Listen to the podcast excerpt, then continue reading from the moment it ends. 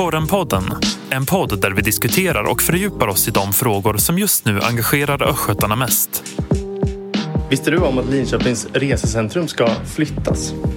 Eh, Jag har hört om det men sen så hörde jag också att den inte skulle flyttas så jag vet inte riktigt. Känner du till Ostlänken?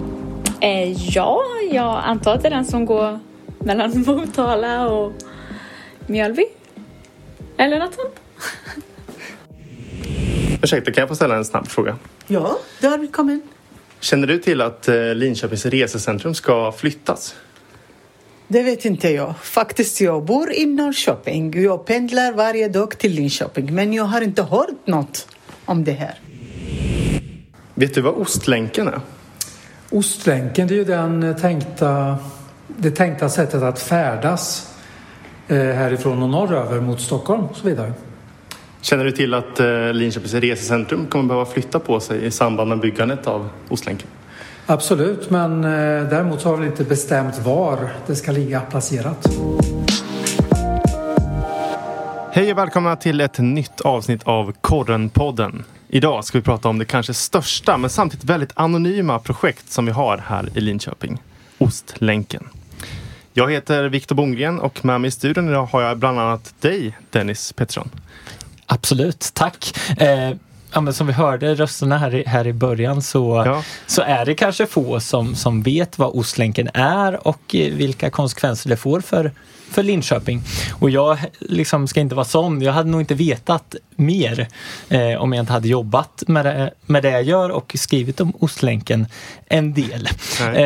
Men eh, vi har också med oss Åke Alvin här ju, en, eh, en kollega till oss som har följt Ostlänken och projektet i väldigt många år.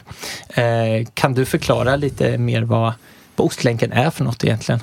Ja, Ostlänken är ju en eh, järnväg som ska gå från Linköping upp mot Stockholm till Järna söder om Stockholm och det ska vara en snabb järnväg som ska leda till att vi kan åka till Stockholm på en timme från Linköping ungefär.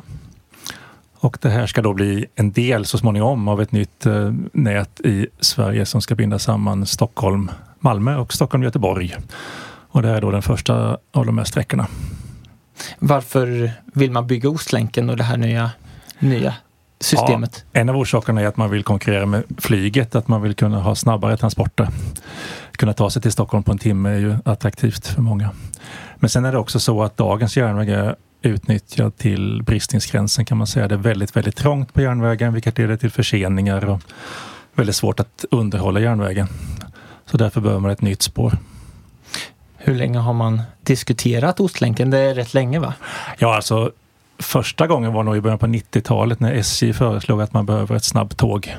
Och sen har man haft många utredningar och många förslag genom åren. 30 år. Mm. Vad är det som har gjort att det tagit sån tid och att det liksom inte verklighet än? Alltså mycket är ju ekonomin. Det kostar mycket pengar. Ostlänken bara, den här delen mellan Linköping och Stockholm börjar närma sig 100 miljarder. 89 miljarder den senaste kalkylen. Så det, man, ja, vad har varit liksom de stora frågorna eller problemen man har varit tvungen att handskas med genom, genom åren för att få till Ostlänken? Alltså en huvudfråga är att man måste genom städer. Man måste genom Norrköping och man måste genom Linköping. Två stora städer. Och i Linköping har ju den stora debatten varit om man ska bygga en tunnel eller inte. Och politikerna i Linköping har ju länge kämpat för en sån tunnel. Eh, och beslutade det i kommunfullmäktige en gång. Men eh, som man kommer fram till på senare år att det blir så dyrt. Det skulle kosta, enligt den senaste uträkningen, skulle kosta 25 miljarder extra att gå under jord i Linköping. Så då har man övergett den tanken. Ja, det är inte gratis det här projektet. Det är verkligen stora summor alltid med nästan alla delar. Men vad, vad är det senaste, senaste i projektet nu? Vad, vad, vad ligger vi? Ja, det senaste är att man har ju då bestämt ungefär hur den ska gå genom Linköping. Man har, hade ju så sent som i våras sju olika korridorer som utreddes, om jag minns rätt. Och nu har man bestämt att den ska komma in genom Tallboda från Norrköping då och så ska den gå genom Torvinge, följa Kallerstadsleden och då leda fram till en ny station, ett nytt resecentrum vid Kallerstadleden någonstans. Det som är bestämt är att stationen ska ligga mellan Stången och Bergsvägen och det är ju hela Steningområdet som ligger där, så det är ett stort område. Men både Trafikverket och kommunen är väldigt bestämda att den ska ligga ungefär vid torn, mellan tornet och Stångån, eh, ganska centralt i Linköping. Då. Ja, vi hörde ju mannen här i inslaget innan som sa att det inte var bestämt vart den ska ligga. Men, men det är det alltså? Formellt är det bara bestämt att den ska ligga i det här stora steningområdet och nu ska ju då Trafikverket sätta sig ner och bestämma exakt var den ska gå eh, och var exakt stationen ska ligga. Och, och visst eh, har det varit eh, en del andra liksom, huvudalternativ eller alternativ som har diskuterats för just Linköpings resecentrum. Kommunen ville något, något annat var från början. Kommunen har ju hela tiden tänkt att den ska ligga på Stångebro och där har man ju köpt upp all mark från alla företag som låg där för att där skulle stationen ligga och där skulle man bygga upp ett ny, en ny innerstad runt den här stationen. Så att det här Steninge-alternativet har ju dykt upp ganska sent i processen får man säga. Är de nöjda med, med den placeringen då? Eh, ja, det verkar de ju vara. För att eh, det finns ju stora fördelar med Steninge. Det är att man slipper dra järnvägen rakt igenom Linköpings centrum. Man kan dra den lite utanför där det idag är mest gamla industribyggnader. Har de sagt någonting om vad som händer med Stångebro då istället? Ja, man har ju sagt att man tänker fortsätta utveckla det till innerstad, utveckla Linköpings centrum och bygga bostäder framför allt. Jag, jag pratade ju med eh, Muharrem Demirok som är samhällsbyggnadsnämndens ordförande och Niklas Borg som är kommunstyrelsens ordförande när Trafikverket hade tagit det här slutgiltiga beslutet som de ju har väntat på ganska länge. Eh, de båda pratade om att det har legat som en våt filt över Linköping att som du sa, de här korridorerna, alltså olika alternativ på liksom sträckning in i Linköping och sträckning ut ur Linköping har liksom täckt väldigt stora delar av, av staden och, och gjort det ganska svårt att planera för bostäder och eh, annan verksamhet och andra liksom, lokaler och så. Eh, så det här beslutet, då de, då de vet vilken korridor som gäller och kan bortse från alla andra alternativ gör ju att att det öppnar upp sig en hel del. Eh, Muharrem pratar om att, eh, att eh, ja, men innan har det i princip varit omöjligt att planera för bostäder och Niklas Borg lyfter just liksom området kring Stångån, att det är liksom den stora fördelen att, att kunna fortsätta utvecklingen där norrut längs Stångån. Och, som, som det ser ut eh, på andra delar längs Stångån idag eh, i Tannefors eller så. Med, med tätare, alltså med, med, bostäder och byggnader som kommer lite närmare ån? Då? Är det så man har, har, tänkt? Precis, fortsätta utvecklingen eller visst är det så Åke? Ja, det ligger ju väldigt mycket räls som inte annat genom Linköpings centrum idag som man kan riva upp när man väl bygger Ostlänken. Det frigörs väldigt mycket mark som är väldigt central längs med Stångån där. Och en stor fördel som politikerna ser också det är att stationen faktiskt ändå hamnar i Linköping. För att det har ju varit en diskussion som Trafikverket eh, initierade att lägga den utanför någonstans på andra sidan E4. Andra sidan E4? Ja, eller någonstans vid E4, på någon av sidorna av E4 i alla fall. För att det skulle vara så mycket billigare då att dra den utanför Linköping. Men motargumentet har ju varit att då kommer mycket färre människor åka med tåget om om man måste ta sig dit. Om man måste åka buss till tågstationen, ja. då är det. Ja. Men ja, för, för, så som det är nu så Steninge ligger ju ett par stenkast bort bara från där stationen ligger idag. Ja, 500 meter ungefär norr om. Så en liten fem bit. långa stenkast. Bort. Ja, fem långa stenkast. uh, och där är det också tänkt då att det blir inte bara en järnvägsstation utan det blir ett resecentrum med busstation och fjärrbussterminal och även ska ju då Stångådalsbanan dras i en liten ny sträckning och ansluta vid samma station så att alla ska kunna resa. Okej, det blir verkligen ett resecentrum i det blir det verkligen. ordets rätta bemärkelse. Mm, jag vet att kommunerna som ligger längs Stångådalsbanan, Kinda eh, bland annat, har ju varit, legat på där att, att eh, Stångådalsbanan måste eh, anslutas till, okay. till eh, det, det, nya resecentrum i Linköping. Jag, jag, vet att det har funnits ett, ett förslag om att Stångådalsbanan skulle anslutas liksom mer söderut. Eh, eller hur? Ja, det gäller också Tjustbanan från Västervik ska vi inte glömma. Eh, och det har ju funnits diskussioner om att lägga ner de här järnvägarna också. Mm. Det dyker ju upp mm. ibland. Men något jag tycker är intressant, eh, hur, hur tror du att, eh, eller vad, vilken bebyggelse är det som framförallt berörs av det här alternativet som de har, har valt nu? V vad kommer försvinna? Är det, är det för tidigt att säga? Det är nog lite tidigt att säga, men man ska ju gå in från Norrköpingshållet ska man gå in rakt igenom Torvinge industriområde. Så där kommer ett antal industrier få flytta på sig. Oklart vilka.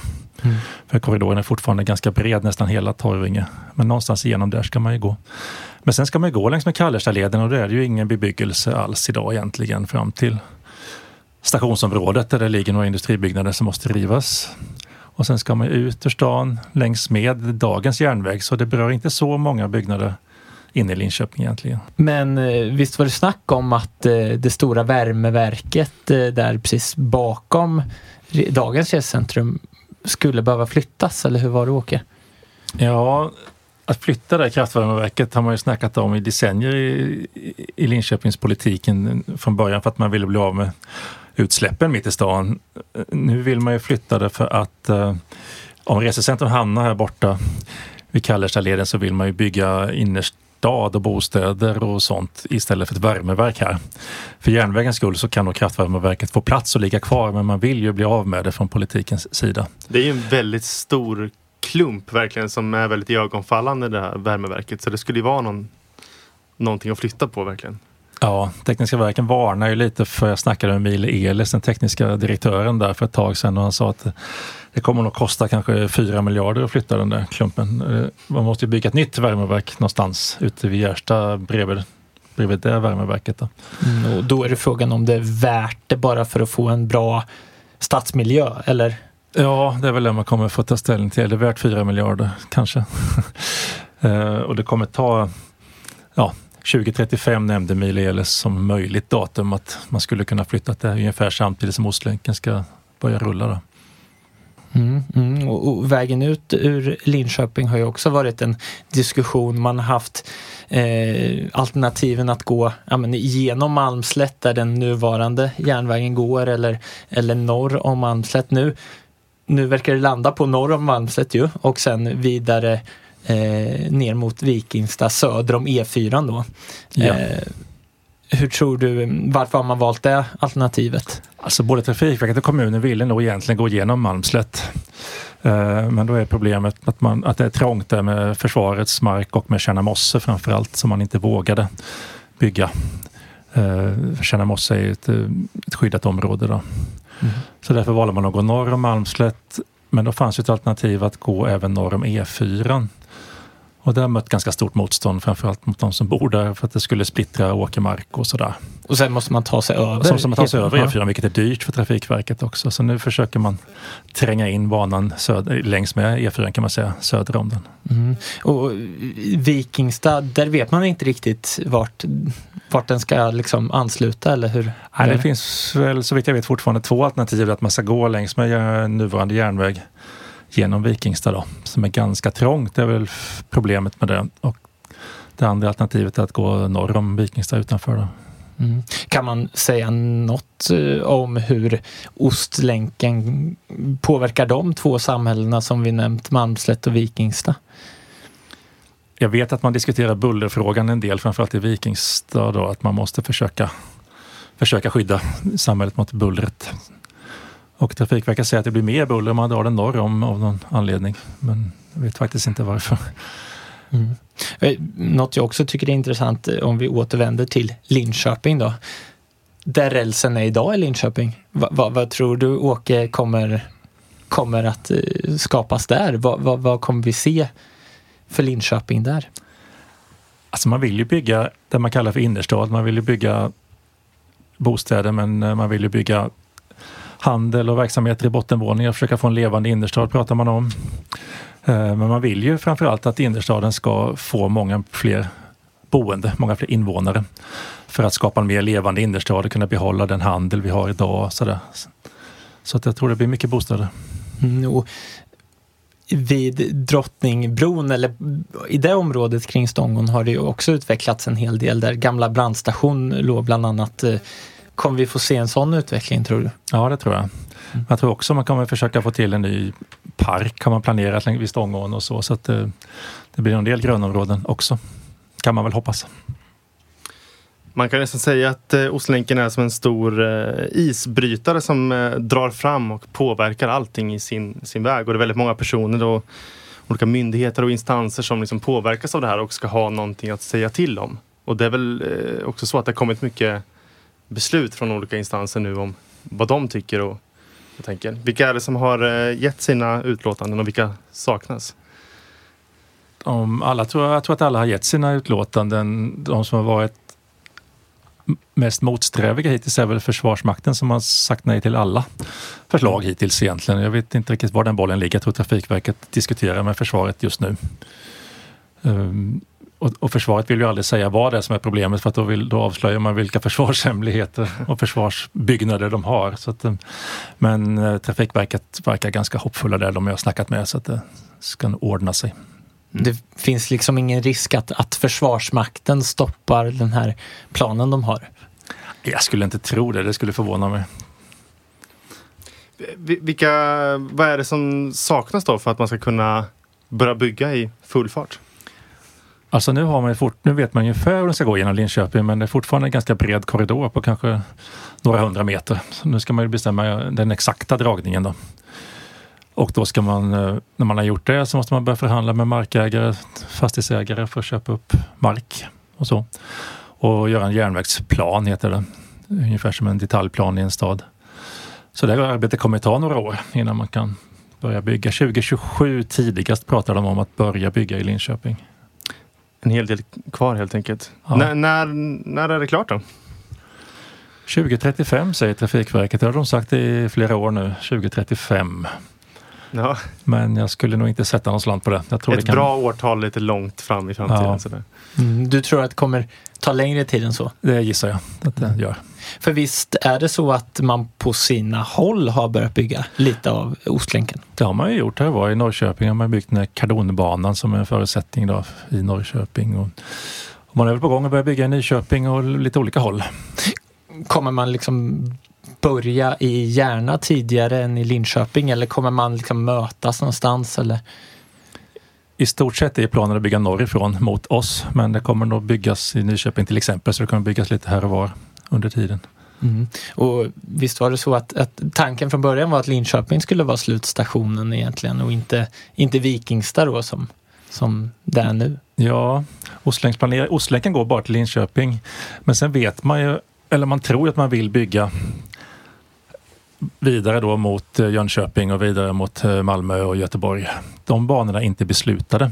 Det som är beslutat är att de ska planläggas och då ville man, då ville man liksom bestämma sig hur man ska gå ut ur Linköping så att man inte bygger någon dum lösning i Linköping som gör det svårt att komma ut ur stan sen. Så då bestämde man sig, vi kör vidare mot Vikingstad i planen men det är inte bestämt att man ska bygga. Men jag tänker så här, hur, hur bli, när Ostlänken är klar, hur blir den då? Liksom, vilka resor är det man, man förkortar tidsmässigt och så? Hur, hur mycket kommer det kosta att åka och vet man något sånt? Eh, man vet ju att det kommer ta en timme har man sagt i Stockholm. De har lagt på några minuter så det kommer kanske ta 1.05, 1.10. Eh, snabbare resor till Stockholm men det kommer bli snabbare resor till Norrköping också. Eh, betydligt snabbare, jag har ingen siffra där men eh, Biljettpriser har ju många varit oroliga för eftersom Ostlänken är så dyr att bygga. Så har ju många trott att då blir biljetterna dyra. Men jag snackade med en kille som heter Oskar Fröjd som är järnvägsforskare för ett tag sedan på KTH och han hävdar att det kommer nog inte bli dyrare biljetter än idag, snarare möjligen billigare. Men eftersom man förmodligen kommer ha ungefär som idag konkurrerande bolag som kör så kommer det finnas både billiga och dyra biljetter kanske.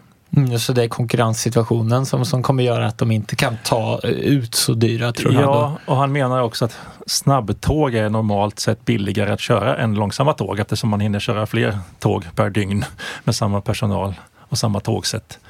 Så att det skulle i så fall hålla nere priserna då, menade han. Mm, vi får se hur det blir.